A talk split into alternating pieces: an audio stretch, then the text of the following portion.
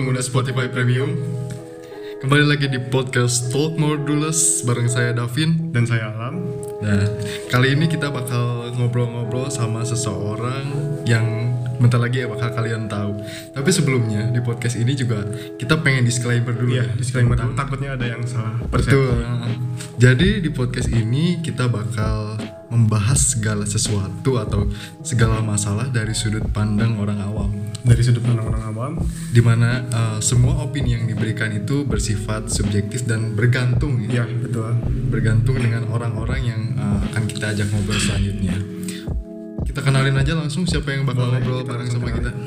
Ini adalah teman lama kita ya, teman SMA yang sekarang Teman SMA lagi berarti nih. Dia dari kemarin juga teman SMA ya. Iya betul, karena kita ngundang orang-orang yang nggak punya highlight uh, gimana besar gitu enggak.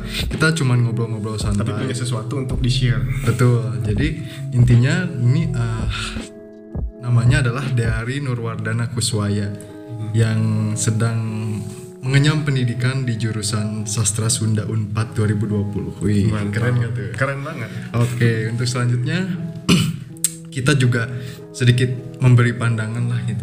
Karena menurut kita gitu orang orang-orang awam atau pendapat umum kebanyakan menganggap bahwa kuliah di sastra itu mudah.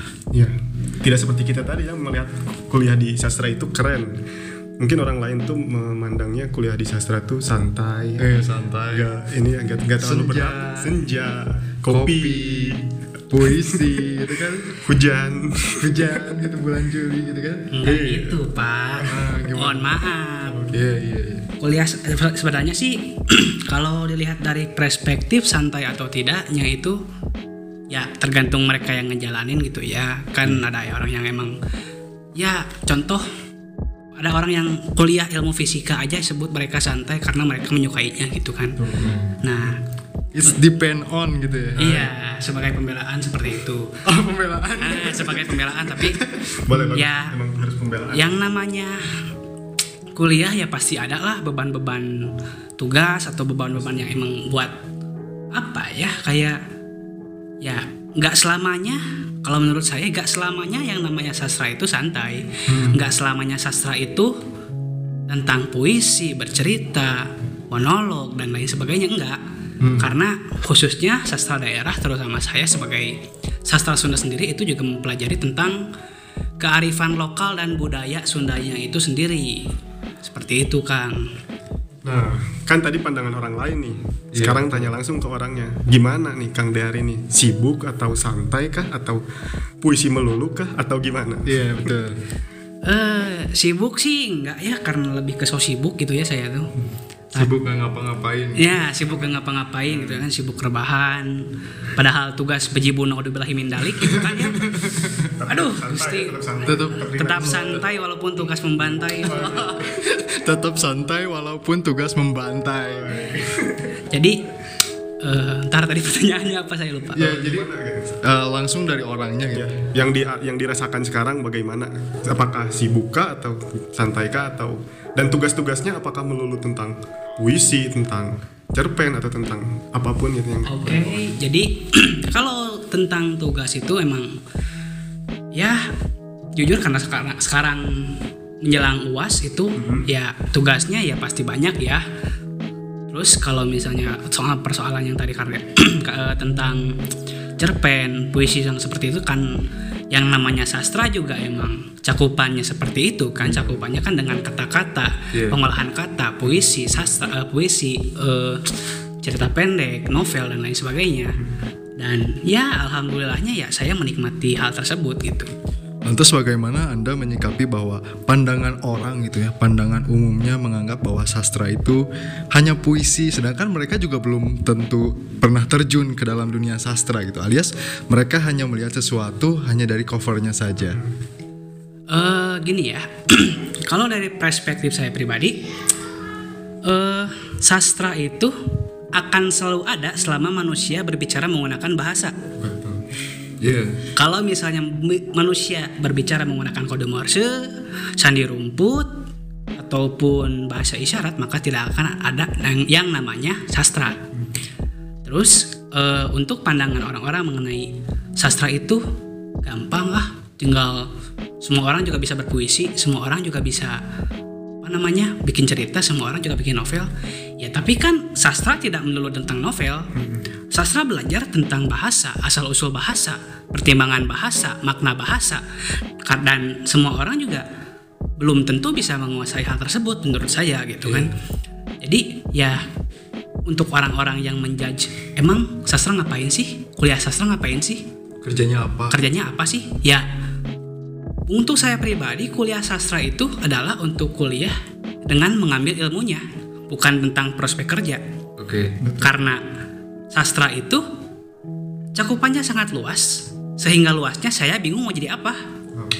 Bisa bisa saking luasnya kita nggak tahu bakal eh, apa ya, bingung gitu ya untuk menjadi apa nanti kalau boleh diceritain nggak awalnya Kang Deari akhirnya memutuskan ah sastra Sunda nih gitu. Iya. Padahal kan eh, banyak gitu pandangan-pandangan negatif ya terhadap anak sastra yang barusan itu.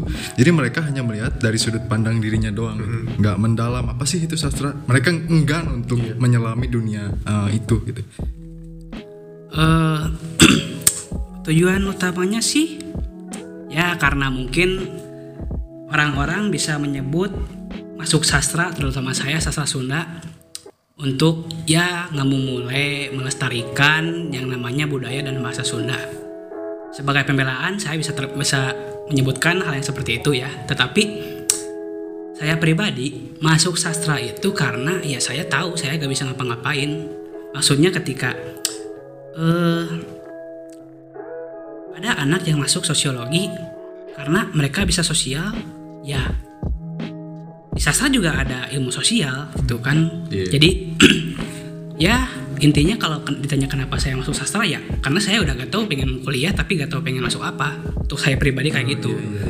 dan Bukan artinya nggak ada tujuan. ya bukan artinya gak ada tujuan juga karena ya saya kuliah ya otomatis saya juga kan harus bertanggung jawab gitu kan. Betul. tetap terhadap jurusan yang saya pilih gitu kan. Terus eh, intinya mah kalau kenapa milih sastra Sunda Unpad? Ya saya pengen Unpad Woi. Di samping untuk menjadi unpad kasep, kan Unpad makan punten aduh. Kita tarik deh dari sastra kepada kehidupan yang memang realis eh, re- realitanya gitu ya. Orang-orang itu sering menganggap sesuatu hanya dari luarnya saja gitu. Kita apakah itu salah gitu menurut Kang Alam sendiri untuk menilai sesuatu dari covernya? Kalau menurut saya bisa bisa benar bisa salah juga. Soalnya kan eh, tampilan kita itu mencerminkan pribadi kita kata orang-orang gitu ya. Makanya kalau kita dituntut untuk selalu berpakaian rapi, berpakaian enak dilihat tuh agar orang lain mendapatkan apa ya pandangan pertamanya tuh. Eh pandangan. Aku berjumpa perspektif pertamanya tuh baik gitu tujuannya. Karena First memang impression, first impressionnya baik karena emang ya seperti itu tujuannya. Dan nggak salah juga sih cuman ya kalau terlalu berlebihan menjudge-nya iya tanpa mengenal terlebih dahulu itu baru salah. Eh, gini ya. Menurut saya hal yang salah itu adalah ketika anda melakukan sebuah sikap yang dia istilahkan don't judge a book by the cover.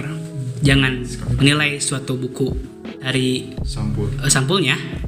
Yang salah adalah ketika anda menilai buku dari sampulnya anda tidak membaca buku tersebut Oke, berarti yang salah itu adalah eh, menjudge sebelum membaca gitu.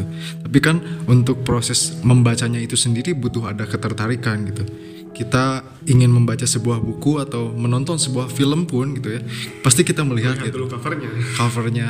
Dan bagi saya sendiri gitu ya, pandangan saya memang betul apa yang dikatakan Deari ketika ada seseorang yang tidak ingin menyelami bidang tersebut atau tidak ingin mengenal lebih jauh orang tersebut tapi di awal dia udah punya apa ya eh, sikap eh, menghakimi orang lain gitu ya.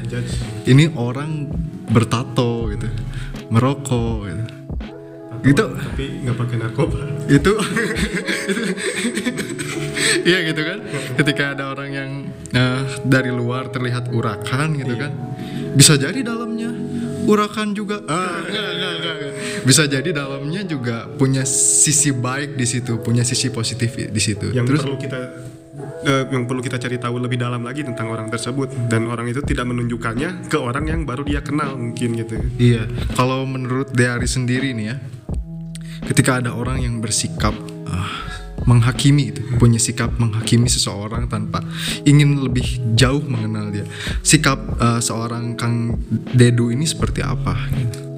Eh, gini, kalau menurut saya, kalau misalnya ada orang yang menghakimi tanpa melihat kejelian yang ada di balik orang tersebut, itu adalah sebuah hal yang salah karena manusia itu gak selamanya jelek, manusia itu gak selamanya buruk, manusia itu gak selamanya apa namanya, gak selamanya apa yang ada di cover manusia itu itu isinya. Jadi mantaknya, ah, mantaknya lagi. Makanya eh, kita sebagai manusia sendiri harus ya istilahnya membaca buku dengan cara eh, kalau misalnya diidentifikasikan dengan manusia, kita bisa ngejudge luarnya, tapi kita juga harus cari dalamnya kayak gimana. harus itu. Harus karena ya kalau misalnya Anda ngejudge tanpa eh, menimbangkan isi isi daripada manusia tersebut, ya hidup Anda gak akan nyaman. kita bakal tahu sebuah hal itu jahat kalau kita eh, mengenal kebaikan kita juga bakal tahu kebaikan kalau kita pernah mengenal eh, sesuatu yang jahat. Hmm, kan eh, sebuah quotes lah dari SpongeBob pernah berkata kayak gini bersih tidak ada akan bersih Ti- bersih tidak tidak akan ada bersih kalau gak ada kotor. Dan kotor gak akan ada kotor kalau ada bersih. Oke. Makanya manusia itu ada yang kotor ada yang nggak bersih tapi ada yang bersih. Ada yang kotor ada yang bersih. Tetapi tidak semuanya manusia yang kotor itu kotor Iya. dan nggak semua manusia yang bersih itu bersih. Banyak orang-orang yang saya kenal mereka kayak ya seperti yang Kang Davin tadi bilang urakan. urakan bertato merokok bahkan ya sampai mengonsumsi yang tidak perlu. Ya mereka nggak semua kalau saya ngobrol dengan mereka ya selalu ada sisi positif dari mereka gitu kan. Nggak selamanya orang-orang yang mabok itu jelek nggak nggak selamanya orang yang bertato itu jelek. Iya. sampai saya bertanya kayak sorry ya pakai Sunda kayak mang nah sih mana yang mabok mang kenapa sih kamu mabok gitu kan. ya dia menjawab kalau misalnya orang nggak mabok orang nggak bisa bergaul. Oh jadi mereka hmm, Menjadikan um, apa ya? iya media sih tapi lebih ke apa ya ternyata apa yang mereka lakukan itu ada latar belakangnya loh gitu. Nggak semata-mata dilakukan ya mabok mabok gitu kan nggak ada alasannya gitu Iya. ya lanjut. Jadi kayak "Eh, kenapa kamu mabok sih? Karena kalau misalnya nggak mabok saya nggak bisa bergaul gitu kan. Sedangkan ya yang namanya manusia kan makhluk sosial kan. Nah, untuk ya mungkin bagi orang tersebut untuk bergaul ya dia harus mengorbankan salah satu kebaikannya untuk ya taruhlah mabok supaya dia bisa bergaul. Mengorbankan satu Ya entah itu di luar dengan faktor lingkungan atau keinginan sendiri ya, tapi yang saya yang saya tangkap ya eh, sorry mabok untuk ya dia bergaul kayak gitu. kan kadang-kadang gitu ya eh, kita sering bilang ke orang-orang eh sadar dong sadar. Ternyata tanpa disadari mereka juga sadar gitu melakukan itu. Melakukan hal tersebut dengan kesadaran penuh gitu. Iya betul. Dan dengan keinginannya juga. Bener. Kalau menurut Dedu nih ya selain kita harus memang memang harus melihat apa dalamnya dulu gitu sebelum kita menentukan ini si ini jelek si ini baik si ini eh, bagaimanapun itu gitu ya. Apa sih gitu langkah yang pertama kali lah gitu untuk melakukan ah untuk apa ya bisa menentukan gitu? Atau memang kita nggak punya hak untuk menentukan sendiri gitu? Gimana? Gini ya kalau menurut saya hmm, kita itu harus melihat seorang dari sisi jeleknya terlebih dahulu dengan catatan untuk melihat sisi bagusnya untuk mencari tahu sisi bagusnya. Jadi kan ya contohlah anak-anak zaman sekarang gitu kan ya mereka seperti mengidolakan sesuatu atau seseorang dengan melihat wah dia ganteng nih aku suka. Wah dia eh bukan ke anda pak. Lanjut. Ya misalnya fans K-pop lah gitu kan dia eh, fans K-pop eh, ngefans kepada satu orang ya taruh Jungkook lah misalkan kenapa dia ganteng dia baik dia perilakunya bagus jago nyanyi Iya. Nah, sedangkan mungkin pada suatu saat orang yang dia idolakan tersebut melakukan suatu keburukan, maka Sulit nah, gitu ya, sulit untuk bangkit. Maksudnya begitu kayak Menerima gitu. nah kayak menerima Padahal kayak gitu Orang tersebut sudah melakukan hal tersebut eh, dalam waktu yang lama gitu ya. Iya. Cuman Iya. belum ketahuan aja gitu. Hmm. Bener dah, namanya juga public figure gitu, Iya. pasti selalu memiliki upaya untuk terlihat menjadi sosok yang baik lah. Dan itu bukan sebuah kesalahan bagi saya gitu. ya karena eh apa ya setidaknya kalau misalnya kita menilai seseorang dari sisi negatif orang tersebut maka kita akan bisa tak akan kita akan tahu sisi positif orang tersebut Kayak yin and yang gitu ya. Iya. Wede. ya benar Bener-bener sih. Sekarang ini eh, ada pernah ada pengalaman gak sih? Ini bukan cuman Kang Dari ya kalau Kang Davin mau jawab juga boleh. Boleh. Orang yang menjudge duluan padahal kita itu nggak sesuai dengan apa yang mereka pikirkan gitu. Atau dijudge paling Iya, ya. iya. Oke. Pernah nggak gitu? Dedu, ah, Dedu dulu deh ya. Bintang tamu dulu lah. Kalau saya pribadi sih eh, judgement judgement tersebut ya dirasa pada saat masuk kuliah ya karena ya yang namanya kuliah eh kuliah Korea. Bangun rumah. ya yang namanya kuliah kan eh, kita kan bertemu dengan orang-orang yang emang mostly random banget gitu kan dengan Dan baru ya. baru ya baru dengan latar belakang yang berbeda Betul. terus eh, ekonomi atau finansial yang berbeda sifat-sifat yang berbeda dan ya cukup banyak sih mendapat judgement judgement ketika wih di hari itu anaknya ambis ya Ah, cocok nih. Lanjut. di hari itu anaknya ambis ya wih di hari itu anaknya rajin ya bro yang namanya kepepet ya Tuntutan Gimana? karir. iya tunt- bukan tuntutan karir tuntutan tuntutan tugas gitu ya Iya. jadi kayak mereka ngejudge saya itu anak ambis saya itu anak rajin karena peda saya suka eh, koar-koar di grup gitu kan. Tapi ya pada dasarnya saya koar di grup karena contoh tugas kelompok mepet deadline pak. Nggak ada respon dari semuanya gitu kan. Jadi kayak bukannya saya yang emang nggak mau ngaku ambis emang saya saya jujur saya pribadi adalah orang yang emang malas-malasan gitu kan Kang Davin dan Kang Alam juga tahu kalau misalnya saya udah mager Bahkan gitu kan. Kita nggak hanya tahu bahkan kita juga males gitu. iya. Kita nah tapi ya yang namanya kepepet bos kan gimana lagi kan? Piraku eh saya karena mm, apa sih gak mau dijudge ambis nggak keluar di grup ntar misalnya semester depan saya ngulang nggak mau dong. Iya. Daripada ngulang gitu kan ya. Men- Lebih baik mengerjakan sesuatu yang memang itu tuntutan dan itu kewajiban gitu, bukan semata-mata karena kita memang dipandang sebagai sosok yang ambis gitu. ya. Saya juga pernah mengalami hal demikian gitu.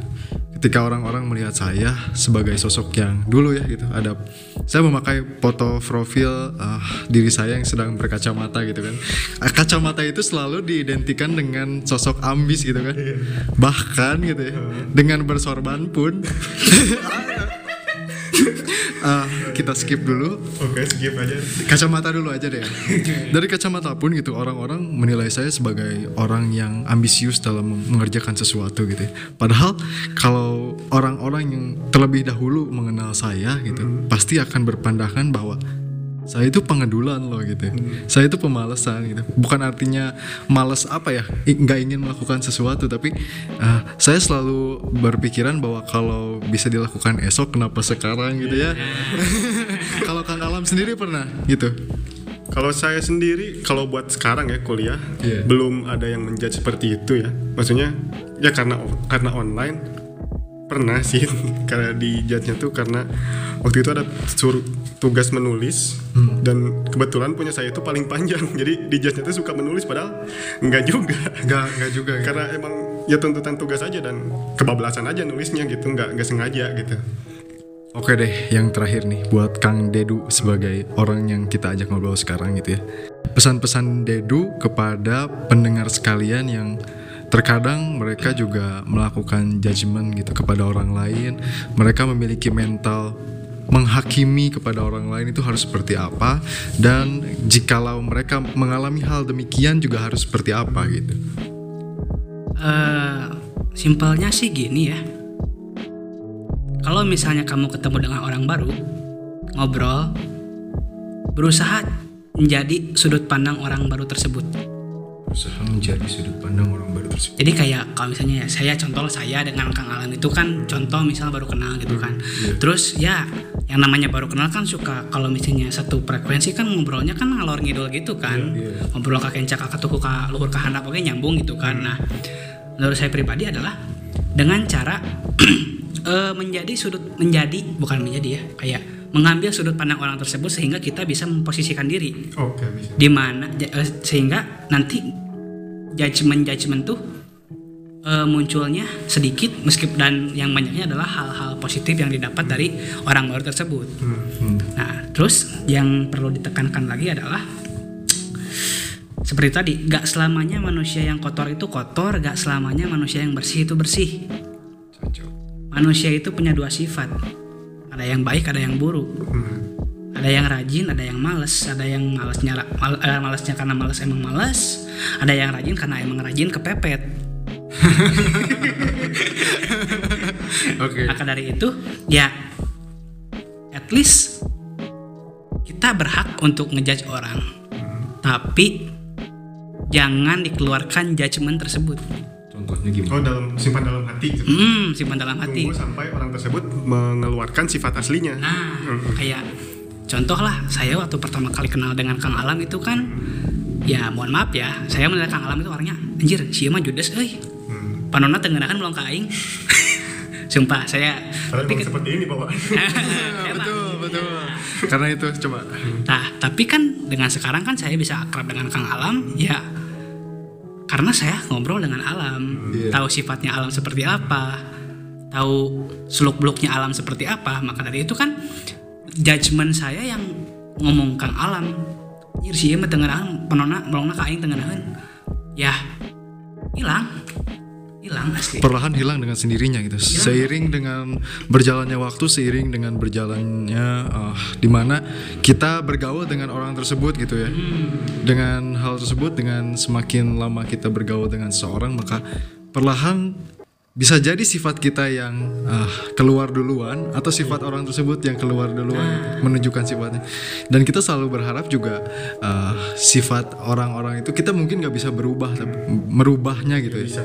Tapi kita selalu berharap dengan kehadiran kita di dekat orang-orang tersebut kita mampu memberikan uh, apa ya efek positif lah, Oh, positive ini- vibes. Eh, kalau merubah sikap emang nggak bisa, Gak bisa. tapi cara bisa dirubah. Cara apa nih maksudnya cara cara kita melanturkan sikap kita bisa dirubah. Oh, Saya kan saya kan ya kalian tau lah sikapnya sompral.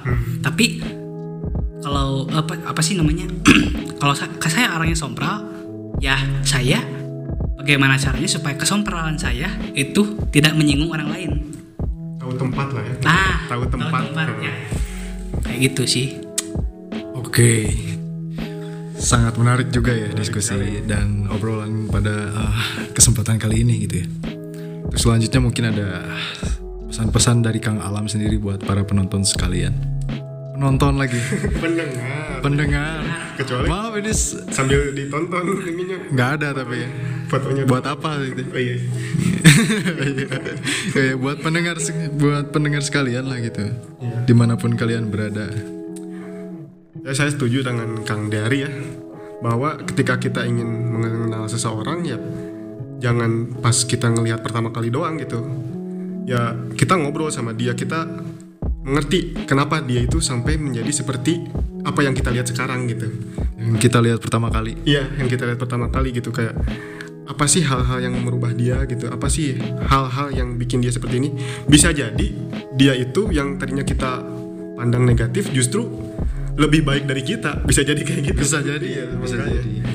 Ya itu aja sih pesan dari saya ya, ke orang ke pendengar kalian mungkin Pendengar sekalian. atau bahkan kalian yang merasa pernah di berada di posisi dijudge orang Betul. Atau sedang menjudge orang.